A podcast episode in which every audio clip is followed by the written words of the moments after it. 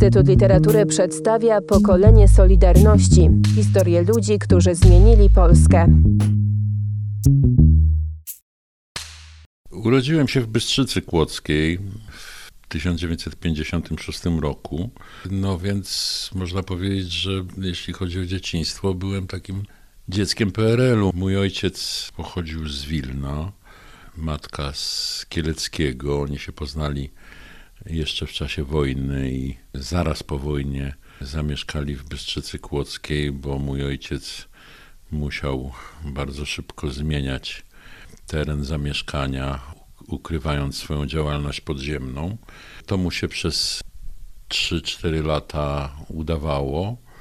Najpierw w 1947 roku został krótko aresztowany pod zarzutem współpracy z Niemcami i tutaj moja mama ściągnęła kilkudziesięciu świadków, którzy zaświadczyli o jego działalności w podziemnych strukturach w czasie wojny, więc o dziwo ojciec został zwolniony, ale po roku już został aresztowany za działalność powojenną i tu już dostał wyrok 4,5 roku i poszedł siedzieć. To wszystko się działo przed moim urodzeniem, więc y, może przy okazji, bo to będzie stanowiło jakby taką podstawę tego, czym w jakimś sensie ten mój dom rodzinny żył, to by się trzeba było cofnąć do moich dziadków, których nie wiem czy standardowo, czy niestandardowo, ale należy do takiego pokolenia, które często dziadków nie znało. Ja swoich dziadków nie znałem, bo jeden ojca, ojciec, oficer Wojska Polskiego, który go wychowywał w Wilnie, w czasie wojny trafił na Syberię i do armii Andersa.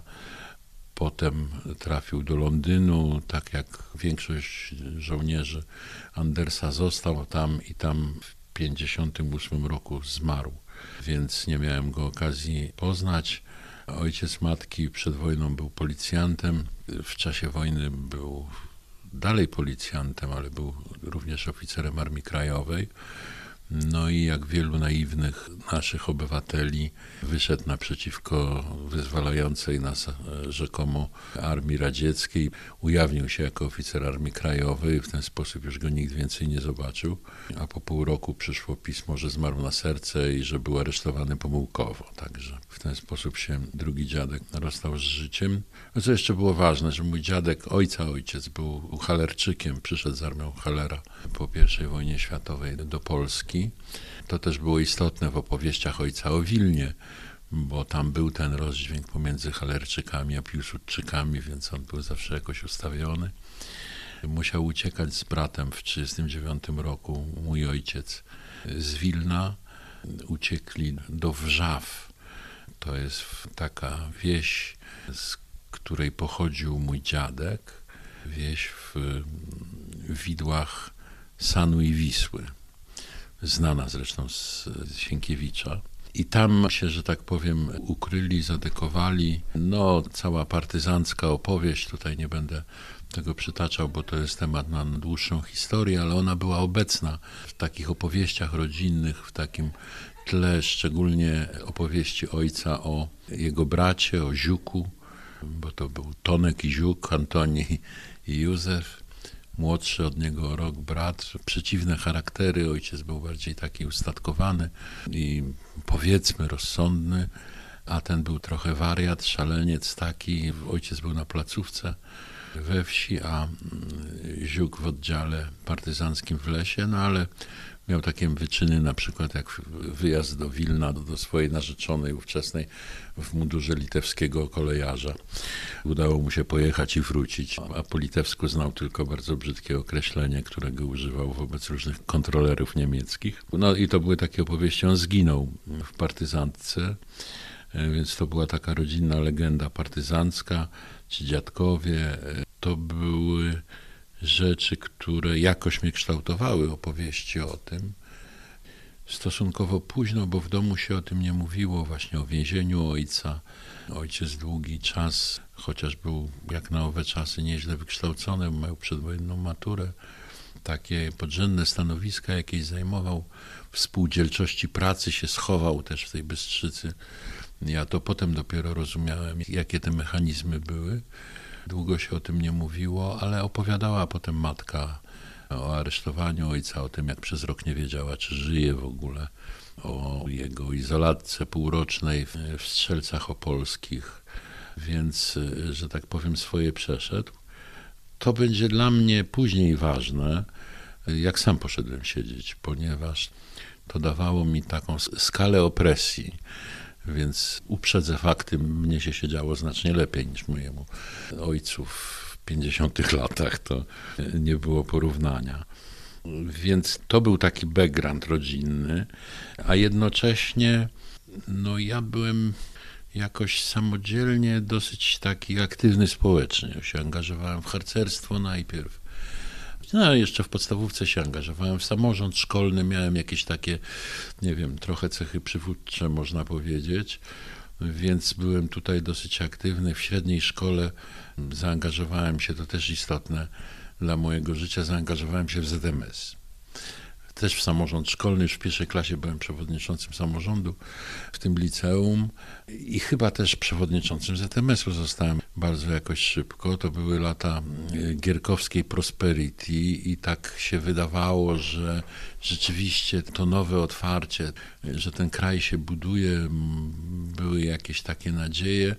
A mój ojciec takich zapędów moich jakoś nie hamował, ponieważ ja to później zrozumiałem z jakiego powodu, ponieważ on miał poczucie takiej pokoleniowej klęski i że wszystko, co jego e, generacja walczyła, zostało złamane, zniszczone i że właściwie stawianie oporu nie ma żadnego sensu, więc się trzeba w ten system jakoś wkleić.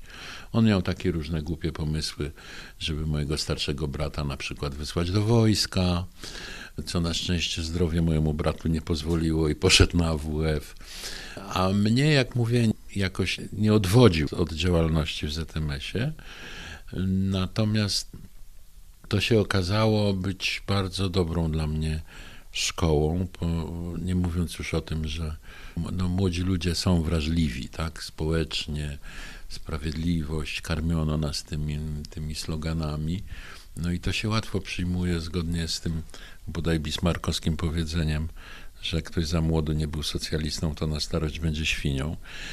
I to jedną anegdotę muszę tu przytoczyć, bo ta organizacja ZMS-owska w naszym liceum bystrzyckim miała jakąś dziwną aurę, trzeba powiedzieć, ponieważ moi poprzednicy przewodniczący ZMS-u, dwóch takich było, po zrobieniu matury natychmiast zapisało się do seminarium.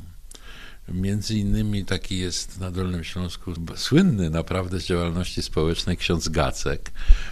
No to był przewodniczący ZMS-u w moim liceum, także bardzo to było interesujące. Ja byłem taki y, też y, no, y, aktywny, w związku z tym mi się wydawało, no to co robimy? To robimy gazetę. I udało mi się w ramach tego ZMS-u, pod jakby taką kuratorą tego ZMS-u, zrobić gazetę uczniowską. To się nazywało My. I to był miesięcznik. I to było fajne doświadczenie, ponieważ ja się tutaj po raz pierwszy zderzyłem z cenzurą. Rzecz była głupia i to było jeszcze lepsze doświadczenie, bo poszło jakiś taki śmieszny wierszyk, który parodiował Majakowskiego. Jest taki wiersz Lewą Marsz, a kolega to sparafrazował. Mieliśmy takiego poetę starszego ode mnie w szkole i on to sparafrazował z okazji studniówki. Zamiast y, refrenu lewa, lewa, lewa był refren piwa, piwa, piwa. No i to się strasznie nie spodobało w komitecie powiatowym partii. E, przy czym myśmy nie byli prewencyjnie cenzurowani, więc ten numer został wydrukowany. Ten numer został wydrukowany z tym wierszykiem, to zostało zatrzymane na, na polecenie tego komitetu. Ja robiłem awantury, w związku z tym została wymieniona strona w tym numerze e, z jakimś innym wierszykiem. No i to był dla mnie taki jasny sygnał, że tu się fajnie nie dzieje i zacząłem jakby z drugiej strony mogłem sobie obejrzeć ten mechanizm gierkowskiej propagandy i tego całego takiego komunistycznego syfu. Mm, oczywiście tą gazetę zamknęli, po może chyba jeszcze jednym numerze, tak, więc tu miałem takie, krótko mówiąc, jak wychodziłem z liceum, to byłem kompletnie zaszczepiony na przystępowanie do socjalistycznych organizacji tak? Zupełnie samodzielnie, właśnie nie przez ojca, nie przez rodziców, tylko przez te organizacje. I tu taka może fajna anegdota, jak już udało mi się zdać egzamin na polonistykę na Uniwersytecie Wrocławskim, to mieliśmy taki miesiąc praktyk robotniczych. Spędzaliśmy to w jakimś akademiku i w tym do tego akademika przyszła bardzo ładna e, dziarska dziewczynka, która nas usiłowała do SZSP zapisać. No i ponieważ ja byłem taki wdrożony dosyć w te realia, byłem w jakimś komitecie ZMS-u powiatowym już wtedy w Bystrzycy. Chcieli mi dać oznaczenie Janka Krasickiego, którego powiedziałem, żeby sobie sami przypieli to oznaczenie w wiadomym miejscu, a ona nas namawiała w ten sposób, żeby się zapisać, bo to jest tak fajnie, bo są różne przywileje, można dostać stypendium, wyjechać za granicę i tak, no to w związku z tym została wyrzucona za drzwi i tak się nie zapisałem na szczęście do pięknej organizacji.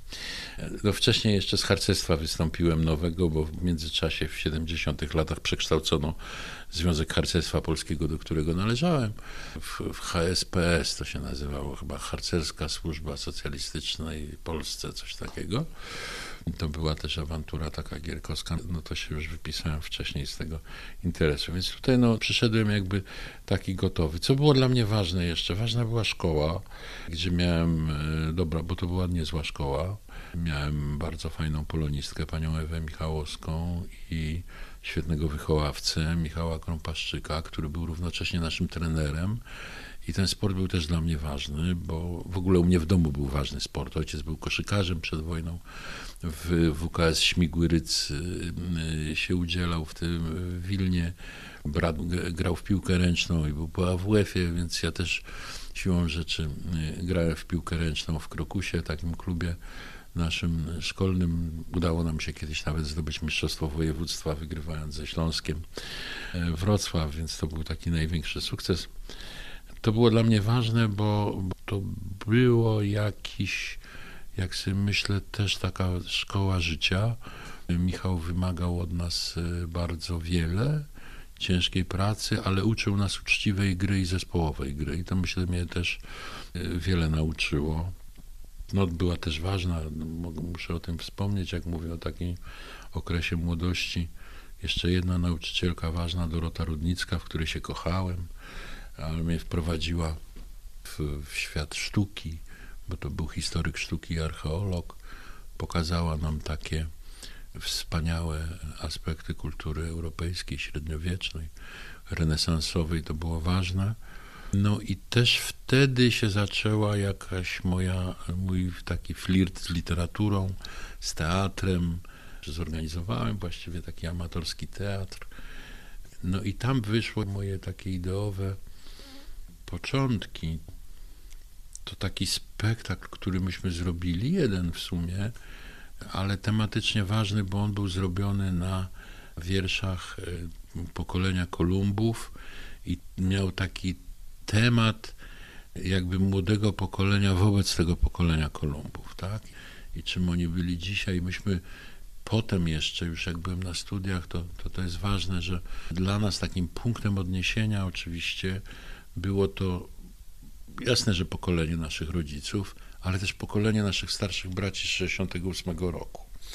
Także oni, to było takie, byśmy na nich patrzyli z pewnym podziwem, z jakąś zazdrością, bo mieliśmy poczucie takiego marazmu, a oni jednak walczyli. No, przegrali, ale walczyli. Tak? I to był taki dla nas, mówię w liczbie mnogiej, bo to oczywiście jakieś środowisko młode, które w ten sposób myślały. Ale wracając do tej szkoły, no to, to rzeczywiście no, tam się pojawiły jak, jakieś pierwsze próby poetyckie, jakieś takie wyjścia artystyczne, stąd ta polonistyka, chociaż chodziłem do klasy matematyczno-fizycznej, co mi też wiele dało zresztą, bo to mm, z matematyki orłem nie zostałem, ale jakiegoś takiego myślenia logicznego nauczyło. Pokolenie Solidarności. Cykl podcastów przygotowanych przez Instytut Literatury w Krakowie.